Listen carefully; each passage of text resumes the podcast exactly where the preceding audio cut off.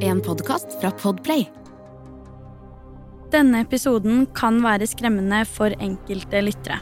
Om du er yngre eller sensitiv, bør du lytte til episoden med en voksen du stoler på, eller skru av.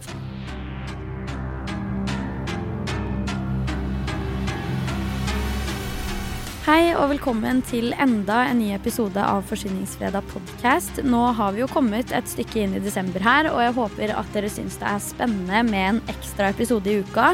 Det syns i hvert fall jeg, men ta og gi meg litt tilbakemeldinger på det på Instagram, der det heter Forsvinningsfredag. I denne episoden skal jeg ta for meg en sak som har en veldig dramatisk tittel, men det skal sies at saken ikke er noe mindre dramatisk enn det den høres ut som. Jeg skal ta for meg øksedrapene i Lille helvete i dag. Og jeg er som alltid veldig spent på å høre hva du tenker om denne saken, så det kan du sende inn til meg på Instagram. Vi skal tilbake til 1970. Dette er året da Per Christian Liland blir dømt for dobbeltdrap, til tross for at han helt fra begynnelsen av har hevdet sin uskyld. Var det egentlig han som gjorde det? La meg fortelle deg om øksedrapene i Lille helvete, eller Liland-saken som den også kalles. På julaften i 1969 har snøen lagt seg tykt i Fredrikstad, og tidlig på morgenen så står tre menn utenfor tilbygget til Glemmengata 73 og banker på. Han som bodde der, var Jon Olav Larsen, og de tre mennene som sto utenfor, var antageligvis noen som kjente han og var bekymra for han, eller noe lignende. Uavhengig av det så antok disse mennene at Jon Olav var hjemme på julaften, til tross for at de ikke hørte noen ting da de banka på, og det var ingen respons å få, ei heller noen tegn til liv. Rundt klokka kvart på elleve kommer disse mennene seg endelig inn i boligen til Jon Olav. Det de nå skal oppdage, vil jeg anta at de skulle ønske at de slapp. Det er nemlig nå de finner Jon Olav Larsen og Håkon Johansen drept, og åstedet er vanvittig brutalt. Jon Olav og Håkon blir jo da funnet inne i Glemmengata 73. På denne tiden var denne adressen kjent på folkemunne som Lille helvete, fordi det på en måte representerte et veldig tungt rusmiljø. Det sies at de som var innom Glemmengata 73, kunne drikke nesten hva som helst for å få en type rus, og verken Kvistlakk eller rødsprit var egentlig særlig ukjent for dem, uansett hvor sykt det høres ut. Jon Olav hadde også fått denne boligen her av kommunen, så det er rimelig å anta at dette kan ha vært en slags sosialbolig. Inntil nylig hadde faktisk Per Christian Liland, som jeg nevnte innledningsvis, bodd hos Jon Olav midlertidig, men hadde nå nylig flytta derfra. I tillegg til disse tre mennene som banka på hos Jon Olav på julaften, så gjorde også Liland det, bare ikke samtidig som dem. Det at han var der på julaften, kan jo tilsi at de fremdeles var gode venner etter at Liland hadde flytta ut, og det forsterkes også med at Liland i ettertid har forklart at de hadde avtalt å feire jul sammen, de to. Ifølge forklaringen til Liland skal han ha forsøkt å banke på hos Jon Olav første gang på lille julaften, men fikk da ingen svar. Da antok han at Jon Olav bare var opptatt eller ikke hjemme, rett og slett. Han hevder at han selv kom til boligen rundt en times tid før disse tre mennene kom, og at han da må ha dratt derfra før de ankom.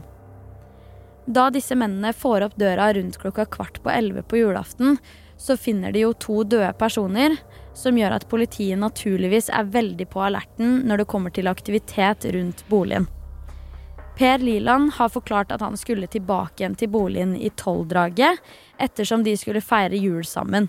Men på dette tidspunktet her så kom han seg heller aldri frem til boligen.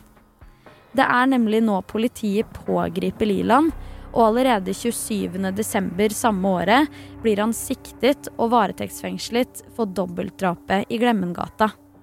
Akkurat hvilket grunnlag politiet hadde for å pågripe Liland så tidlig, har jeg ikke funnet noe om. Var det en antagelse? Indisier? Fotspor? Altså hadde de allerede bevis imot han? Det er også verdt å nevne at på tidspunktet så var det ikke så mange drapssaker eller andre store medieoppslag, og det gjorde også at den saken her fikk enorm mediedekning i sin tid.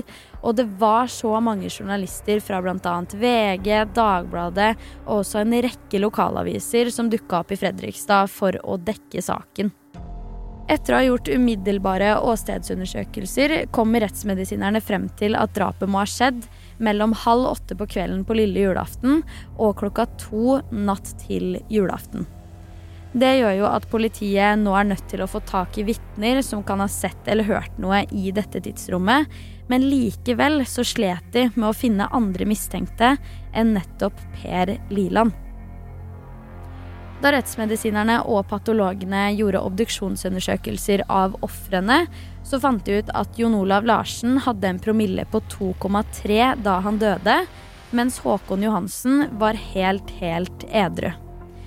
22.12., altså to dager før julaften, så var det en fest i Glemmegata 73, så det er rimelig å anta at begge drapsofrene drakk alkohol den dagen, men det er også viktig å nevne at de begge to egentlig kunne kategoriseres som alkoholikere, så det kan like gjerne være at de hadde drukket den 23. også. Etter hvert kommer det inn noen nye rettsmedisinere i saken, som faktisk mente at drapet måtte ha skjedd enda tidligere enn først antatt, og at ofrene må ha hatt disse skadene i ca. 13 timer før de døde. Politiet antok også at drapsvåpenet var en øks, fordi begge ofrene hadde så ufattelig store skader til hodene sine. Det kan være at jeg misforstår noe her nå, men jeg syns det høres veldig lenge ut å ha så brutale skader til hodet i så mye som 13 timer før man dør. For meg så høres det her ut som skader man ville dødd av momentant, men jeg er veldig spent på hva du tenker. 5.3.1970 blir det gjort et avhør av svogeren til avdøde Jon Olav. Og i det avhøret forklarer han følgende. Jeg prøvde å besøke Jon Olav rundt ti over halv fem på lille julaften. Det var lys i vinduet, men ingen svarte da jeg banka på og rista i døra. Den var også låst. Det var også nysnø på bakken, og jeg beit meg merke i at det ikke var noen fotspor på trappa. Det at det var nysnø og ingen fotspor på trappa, gjorde at politiet konkluderte med at det ikke hadde vært noen aktivitet på trappa den 23. desember, så da utelukket de at drapet kunne ha skjedd den dagen. Til tross for at svogeren hadde vært der så tidlig som 1640, og de første rettsmedisinerne mente at drapet måtte ha skjedd etter 1930, så mente politiet likevel at drapet måtte ha skjedd enda tidligere, da 22. desember. Dette her passa jo også mye bedre til narrativet om Per Liland, ettersom han kunne kobles til åstedet 22.12., men ikke den 23. Disse faktorene gjør også at politiet nå er nødt til å snakke med flere og andre vitner som kunne fortelle dem hva som ble sett og hørt 22.12. i stedet. Her kommer noe veldig interessant for saken. Ifølge en journalist fra en lokalavis i Fredrikstad så var det angivelig sånn at politiet valgte å se bort ifra og også bagatellisere dem som mente at de hadde sett drapsofrene etter politiet mente at de skulle ha blitt drept. Opprinnelig skulle rettssaken mot Liland begynne i april 1970, altså en måneds tid etter avhøret med svogeren. I stedet ble rettssaken flytta til 22.6.1970 pga. mye uforutsett etterforskningsarbeid, spesielt når det kom til hva som var det reelle drapstidspunktet. Dette her var jo helt essensielt å få klarhet i før rettssaken, ettersom den siktede i saken kun kunne knyttes til én av disse datoene, i tillegg til at det selvfølgelig er helt essensielt å kunne koble en gjerningsperson til riktig tidspunkt for å kunne domfelle dem. Rettssaken i juni skulle da bare vare i fem dager. Til tross for at det var flere vitner som forklarte at de hadde sett drapsofrene i live etter det antatte drapstidspunktet som kobla Liland til saken, så fikk faktisk aktor i saken flertallet i lagmannsretten til å tro at drapet hadde skjedd 22.12.1969.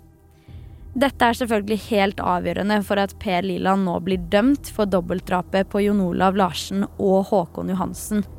Ifølge regjeringen.no er det sånn her dommen til Liland så ut. Ved Eidsivating lagmannsrett dom av 3.7.1970 ble Liland dømt til fengsel på livstid og til sikring i et tidsrom av inntil ti år. Dommen gjaldt for det første forsettlig drap av Larsen, begått under særdeles skjerpende omstendigheter. Videre ble Liland funnet skyldig i å ha tatt livet av Johansen. Retten fant bevist at drapet av Johansen var skjedd med overlegg eller for å lette eller skjule annen forbrytelse eller unndrage seg straffen for en sådan. Også i forhold til Johansen fant retten at drapet var begått under særdeles skjerpende omstendigheter. Under den femte dagen i rettssaken skjer det noe som skal vise seg å ha enorm betydning for utfallet av saken. Sten og Vibeke Ekeroth var tilfeldigvis i rettssalen den dagen her fordi de skulle ha et møte med advokaten til Per Liland om en helt annen urelatert sak. De hadde også fulgt veldig mye med på saken og syntes den var vanvittig interessant, så derfor valgte de å ta turen til rettssalen denne dagen. Sten og Vibeke hadde faktisk også med seg båndopptaker som ingen andre visste om denne dagen utenom de selv. De valgte da å ta opp siste del av rettsforhandlingene, igjen uten at noen visste om det. For meg høres det jo kanskje ikke så tilfeldig ut som det kanskje legges frem, men hvem vet? Altså Noen mener jo at det her var helt tilfeldig, eller i hvert fall tilfeldig at de tok opp akkurat den delen, fordi de var nyforelska og egentlig bare ville dokumentere alt de opplevde sammen. Men hva tenker du? Uavhengig av grunnen deres til å ta opp ting, så mente de nå i hvert fall uansett at Per Liland hørtes uskyldig ut og de trodde 100% på han i denne saken. Da Liland får dommen sin, så skriker de begge to at dette er justismord, og det skulle visstnok være begynnelsen på usikkerheten rundt hvorvidt Liland var uskyldig dømt eller ei. Advokaten til Per Liland anket saken nesten umiddelbart, men 28.11.1970 så ble anken forkasta. 27.12.1971 begjærte han likevel saken gjenopptatt, og denne begjæringen inneholdt faktisk 1700 sider med dokumentasjon utformet av Sten og Vibeke Ekeroth, med da ufattelig mye bevis på vitner som fortalte i avhør at de hadde sett drapsofrene i live etter det politiet mente var drapstidspunktet. 7. mai 1975 blir begjæringen igjen avslått, og da velger Lilands advokat å klage på avgjørelsen. 5. mars 1976 blir begjæringen avslått på nytt.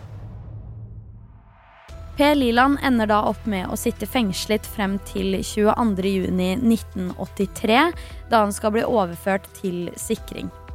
Nå velger Liland igjen å ta opp en begjæring, da han fremdeles mener at han er uskyldig, og så skaffer han seg to nye forsvarere. Det er ikke før 21.11.1994 at Per Liland får full frifinnelse og også en oppreisning fra retten på hele 13,7 millioner kroner, både for tapt inntekt og for selve oppreisningen. I nyere rapporter kommer det også frem at noe av blodet på åstedet ikke var størkna da ofrene ble funnet, som vil si at drapene må ha skjedd veldig nylig. Det var i hvert fall ikke to dager gammelt. Det kom også frem at de rettsmedisinerne som kom inn i saken litt senere, hadde ulik forklaring på hvordan de kom frem til at drapet måtte ha skjedd 22.12. Det her ble heller ikke lagt vekt på verken i rettssaken eller i den siste gjenåpningssaken. Så det her må jo være en av de mest omtalte justismordsakene i Norge. Spesielt der man ikke har funnet ut hvem som egentlig var den skyldige. Det er trist å tenke på at de etterlatte etter Larsen og Johansen aldri har fått noe svar på hvem som begikk disse handlingene, Og sånn ting ser ut nå, så kan det være at vi aldri vil finne ut av det heller. Du har hørt Forsyningsfredag podkast med meg, Sara Høydahl. I desember kommer det to episoder i uka, og jeg er kjempespent på å dele disse sakene med deg der hjemme. Så husk å abonnere på podkasten akkurat der du lytter til podkast, for å få med deg hver eneste episode. Jeg er tilbake med en ny episode allerede nå på fredag, og i mellomtiden, ta vare på deg selv.